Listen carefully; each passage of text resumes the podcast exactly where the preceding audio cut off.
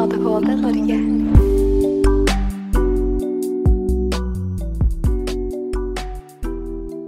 Hei, jeg heter Hanne, og jeg jobber i ADHD Norge som faglig rådgiver for barn og unge. I ADHD Norge jobber vi for at alle mennesker med ADHD skal få et godt liv. Så skal jeg intervjue Kjell om hvordan mennesker med ADHD best kan håndtere konflikter i familien. Og jeg heter Kjell Ribert og er konfliktarbeider og har i mange år hjulpet eh, folk i konflikt, både på jobben og på skoler og hjemme. Å hjelpe folk i konflikt betyr å bistå folk til å kommunisere mer effektivt, men også mer hyggelig eller empatisk med hverandre. Det er jo sikkert mange meninger og definisjoner der ute om hva en konflikt er, eh, og hva en konflikt består av. Kan du, Kjell, si litt mer om hva du legger i en konflikt? Ja, en konflikt det er at man er uenig om noe, og så er man uenig om dette noe på en sånn måte at det blir spenninger i den ene eller den andre eller begge to. Uenigheten det er hva man er uenig om, men så hvordan man er uenig om dette. Og når det blir negativt, da har vi en konflikt. Ok, så, så en konflikt er en uenighet? Ja og nei. Det er en uenighet, men hvis vi bare har en uenighet, vi bare diskuterer noe som vi er uenige om, da har vi ikke en konflikt. Det som folk nesten aldri helt får til, er å snakke bare om uenigheten. Men hvordan vi snakker om denne uenigheten, det er det som er problemet. Mm. Men, men, hvordan er det konflikter oppstår da, vil du si? De oppstår i det øyeblikket at vi snakker sammen på en dårlig måte. At jeg blir irritert på deg, du blir sur på meg. Og så begynner vi med sånne definisjoner. Altså, Kvinner sier at menn lytter aldri. Menn sier at kjerringer bare prater. Men hvordan, hvis vi befinner oss i en situasjon at vi er i en konflikt, da, hvordan kan vi da best løse den? Vi løser alltid en konflikt ved å lytte på den andre.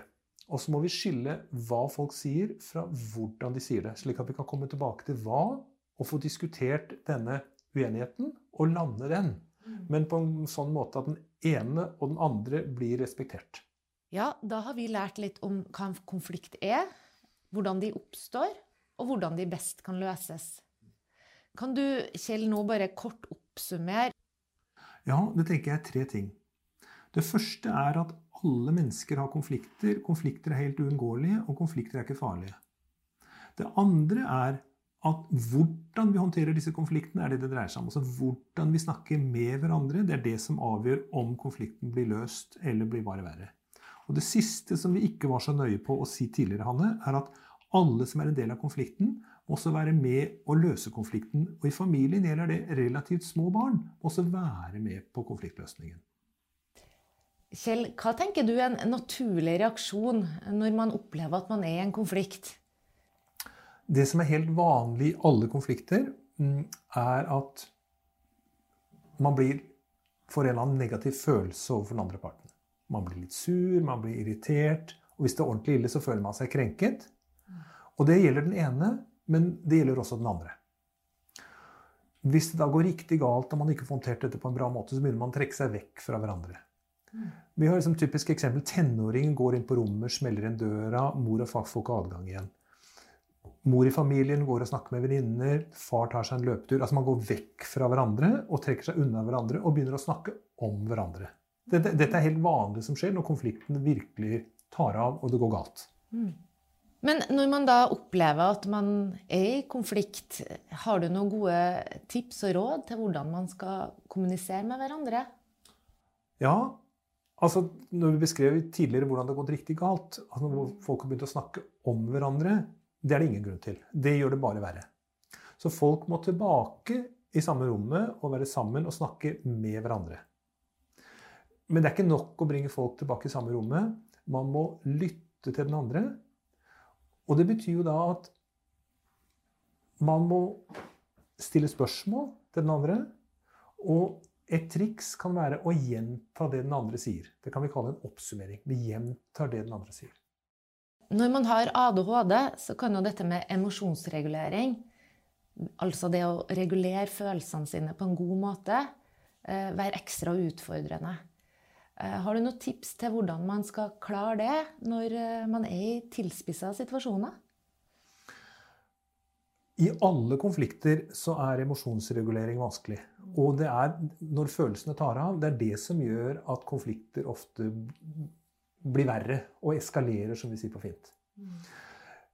Personer som har ADHD, og som har strever med å regulere følelsene sine Det første trikset er jo å vite at jeg har det problemet. Og vite at jeg kan ikke vite at fordi jeg føler meg krenket, så er jeg krenket. Men hvis jeg føler meg krenket eller sur eller sint, så er jo det trikset, sånn som vi sa i stad, å spørre den andre mente du å si sånn og sånn og sånn. Og ofte vil den andre si nei, det var ikke helt sånn jeg mente det. Det var på sånn og sånn og sånn måte. Ja, da har vi snakka litt om nærhet i konflikter. Kjell, kan ikke du kort oppsummere for oss hva du tenker er kjernen i, i nærhet i konflikt?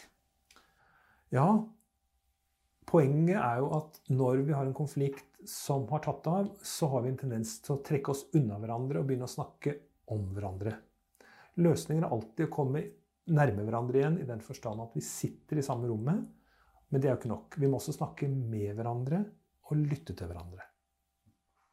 Eh, mennesker med ADHD kan jo av og til ha litt utfordringer med det som vi kaller sosial kompetanse. Altså det å knekke de sosiale kodene når man er sammen med andre. Og det kan jo være en utfordring i forhold til å forstå at man faktisk er en del av konflikten, eller i hvert fall kan være det. Så, så hvordan tenker du at uh, mennesker med ADHD kan uh, lære seg å forstå at de kan være en del av konflikten, men også en del av løsninga? Ja, Hva gjelder konflikter, så er det kanskje egentlig ikke noe særlig forskjell på folk med ADHD og folk uten ADHD. Fordi at når folk er i konflikt, så vil de automatisk påstå at den andre er problemet. Og den andre vil påstå at den ene er problemet. Så folk med ADHD som, som kanskje strever litt med akkurat det selv når de ikke er i konflikt, da er det viktig at man vet at når man sier 'du er sånn og sånn', eller 'det er din skyld', eller 'du har gjort sånn og sånn', da blir konflikten verre. Så det å påstå noe om den andre, det gjør alltid konflikter verre. Det betyr at folk med ADHD, og alle andre mennesker også, må skjønne at når de skal løse en konflikt, så må de snakke om seg selv. De må snakke om hva de sjøl trenger, og hvordan de selv har det, altså hva de selv føler.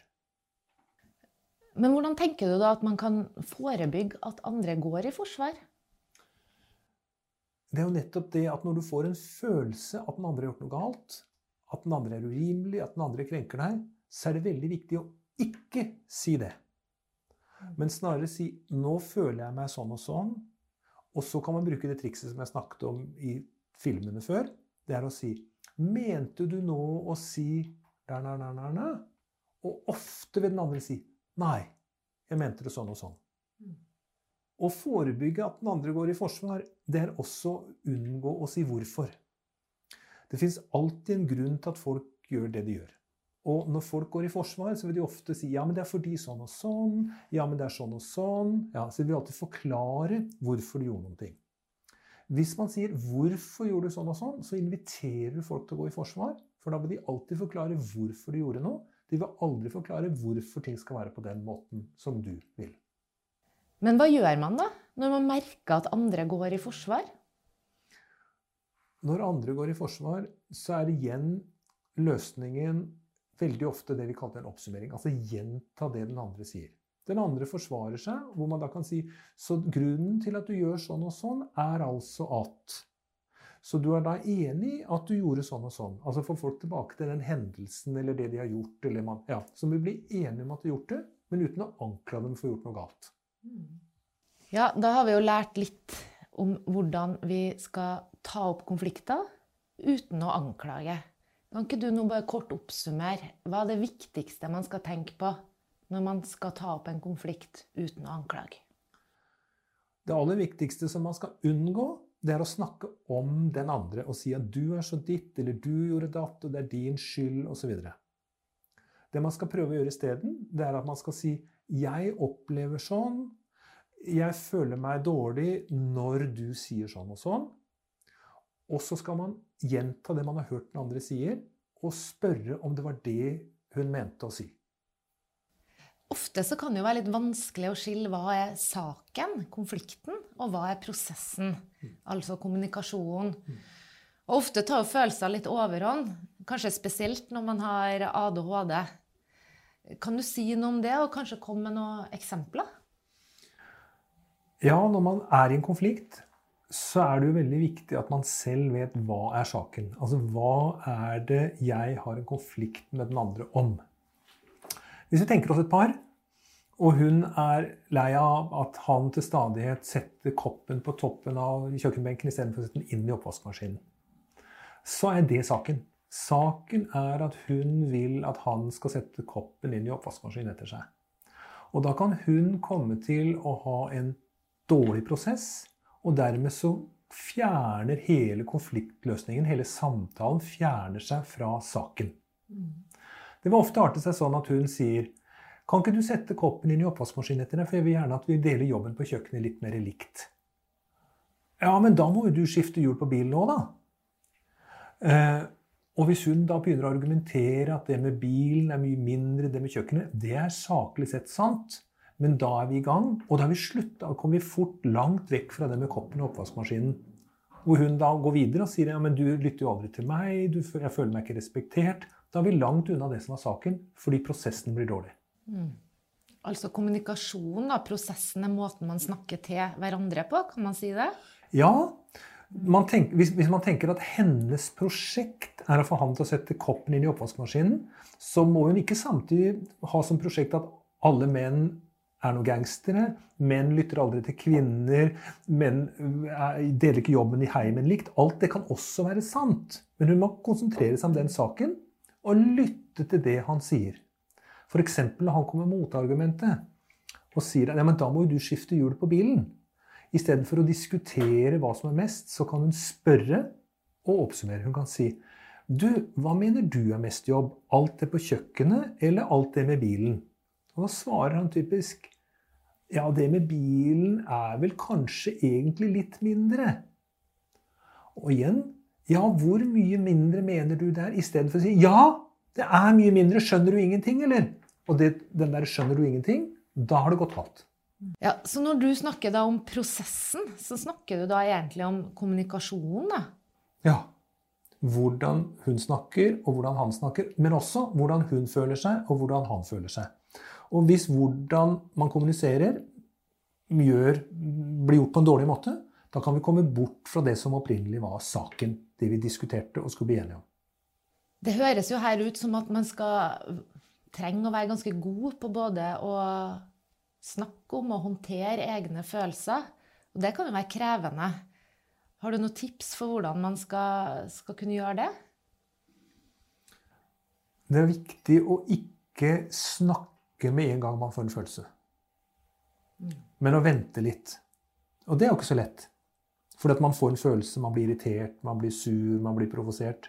Men det er også sånn at man lar seg provosere. Og trikset er det som vi har nevnt flere ganger før, det er å oppsummere. Hvis jeg isteden gjentar det den andre sier, uten å være anklagende, eller gjentar det det virker som den andre mener, da får jeg litt ro. Da trenger ikke jeg uttrykk for noe som jeg er sint for eller irritert mm. over.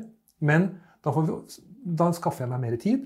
Og samtidig får jeg funnet ut om jeg har forstått det slik den andre ønsket å si det, eller om jeg har forstått det på en annen måte. Sannsynligvis er det det siste som er tilfellet. Det er jo ofte for oss mennesker viktig å oppleve at vi både blir sett og hørt.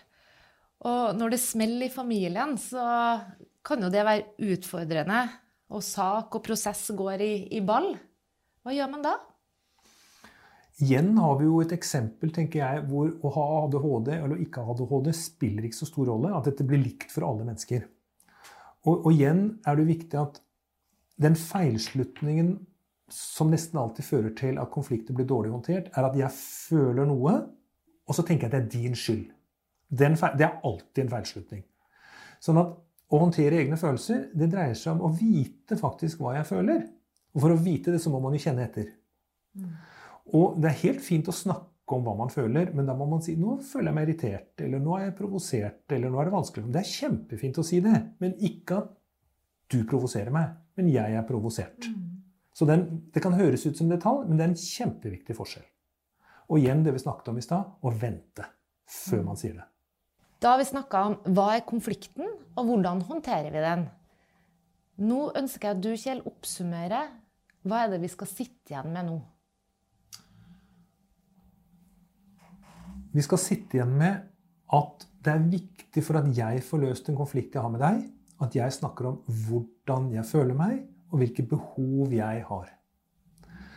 Vi snakket om ADHD, og at folk med ADHD noen ganger strever med å regulere egne følelser. Og hvis det er barn som har ADHD, så må de lære seg å regulere egne følelser. For å få til det så trenger de at mor og far snakker om følelser og snakker om behov. Da lærer barna å snakke om følelser og snakke om behov. Hvordan er det kloke mødre og kloke fedre opptrer? Jo, de viser empati. Det er sånn, De er lure på og interesserer seg på hvordan barnet har det, altså hvordan barnet føler seg. Så viser de aksept. Det betyr at samme hva barnet gjør, så er barnet ok. Du er et ok menneske. Og så sier mor og far hva de føler. Jeg blir irritert når du for tredje gang går opp på bordet. Så de tre tingene, empati, aksept og kongruens, kaller vi det siste, at mor og far er tydelige på hva de føler, det bistår barna til å bidra med det samme, og det skaper mer fred i familien. Kjell, hva er det som gjør en samtale til en god samtale? Jo, en samtale som er god, der er det jo slik at alle må komme til orde. Slik at alle må få sagt hva de tenker er viktig. Hvis vi tenker oss familien hvis vi tenker oss familien består av mor og far og en sønn og en datter, f.eks., og de skal håndtere en konflikt, så blir det viktig at både sønn og datter og far og mor får sagt hva de mener at saken er.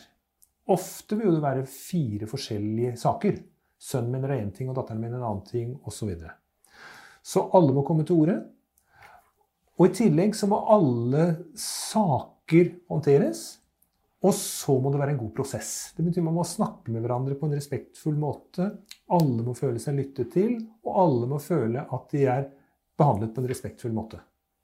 Og For å se hvor bra samtalen har vært, så er det viktig at samtalen blir evaluert. Ok, så samtalen skal evalueres, det er viktig. Men hva, hva er innholdet i en sånn evaluering, da? Eh, og hvor ofte tenker du at det skal gjøres? Hvor ofte er jo hver gang. Altså Hvis man har hatt et husmøte, hvis familien begynner å organisere sånt, eller hvis du har hatt en konflikt og håndterer den, så alle konfliktsamtaler bør evalueres. Hvis vi går bak og sier hvorfor skal det evalueres, om det er fordi at ingen samtaler er perfekte. Alle samtaler kan alltid bli litt bedre. Og Da er det viktig å få alle, både mor og far, og spesielt sønn og datters mening om samtalen og hvorfor er det så viktig med sønn og datter? Jo, fordi de er yngre. De er kanskje ikke så trent til å sette ord på ting. Mor og far har bestemt mange ting som, som, som de må etter hvert begynne å mene mer om selv. Og da stiller man spørsmål Fikk du sagt det du ville? Følte du at du ble lyttet til? Følte du deg respektert i løpet av denne samtalen? Den type spørsmål stiller man. Også får alle satt ord på hvordan samtalen har vært, og hvordan de har følt seg, og om de fikk snakket om det de ville. En god samtale involverer alle. Alle må få lov å være med og definere hva som er viktig for dem, altså hva som er saken sett med deres øyne. Og så må alle føle seg lyttet til og respektert i løpet av samtalen. Og Kjell, hva er egentlig veiledning, da? Til motsetning fra terapi, som at terapi er en behandling av en person, så er veiledning en innsikt om seg selv. En innsikt i noe man gjør litt klønete, noe man ikke gjør så bra og se hvordan man kan gjøre det bedre. Altså se i hvilken grad er man selv en del av problemet, slik at man kan bli mer en del av løsningen. Men hvordan tenker du da at veiledning kan hjelpe deg å bidra til å løse konflikter i en familie? Veiledning er spesielt viktig nettopp fordi at konflikters dynamikk er sånn at den ene skylder på den andre, og den andre skylder på den ene. Og når jeg har et problem i en konflikt i min familie, så vil jeg f.eks. Hvis, hvis du er min partner, så skylder jeg på deg. Og da kan jeg få veiledning sånn at selv om du gjør noe galt eller du har gjort noe urimelig, så er det ikke det som er veiledningen. Veiledningen er hvordan kan jeg takle det? Hvordan er mine innspill overfor det urimelige du gjør? Hvordan kan jeg gjøre annerledes ting, slik at vi får adressert det som jeg syns er vanskelig med det du gjør? Sånn at Veiledning i konflikt er spesielt viktig, nettopp fordi vi pleier å skylde på hverandre. Og det er det viktig å slutte med, for ellers får vi aldri løst konflikten. Slik at jeg får en innsikt i mine handlingsmønstre og mine måter å gå inn i konflikten på. Og innse at jeg må gjøre det på nye og andre og bedre måter. Altså, du har jo veiledning på familievernkontor. Det fins jo i alle eh, byene rundt omkring i Norge. Eh, I tillegg så finnes det jo en del ulike lavterskeltilbud. Eh, det tilbudet er jo litt avhengig av hvilken bydel og hvilken by du bor i. Og så kommer det jo litt an på om man skal ha veiledning på samlivet, eller om man skal ha veiledning på konflikter, eller veiledning på foreldrerollen. Så jeg vil gjerne anbefale dere å ta en titt inn på nettsidene våre. Der kan man lese litt om foreldreveiledning, man kan lese litt om veiledning i forhold til samliv. Og så kan man også sende en uh, mail til Adod Norge og så spørre om hjelp, så skal vi hjelpe dere så godt vi kan. Men Kjell, kan du nå ta og oppsummere for oss? Hva er det viktigste, det du vil at vi skal sitte igjen med når vi snakker om veiledning? Ingen mennesker er perfekte, og alle mennesker kan gjøre ting på bedre måter, særlig hva gjelder kommunikasjon med andre. Enda viktigere dreier det seg om når det er konflikter hvor vi har en tendens til å skylde på de andre, hvilket jo bare gjør at konflikten tar av og blir verre og verre. Og noe som vi ikke sa innledningsvis i løpet av, av filmen, Hanne, er at ofte er det en hindring, en hemning hos folk i å ta kontakt. Så ofte er det de som, som er modigst, som tar kontakt for å få veiledning. Du hører nå på ADHD Norge.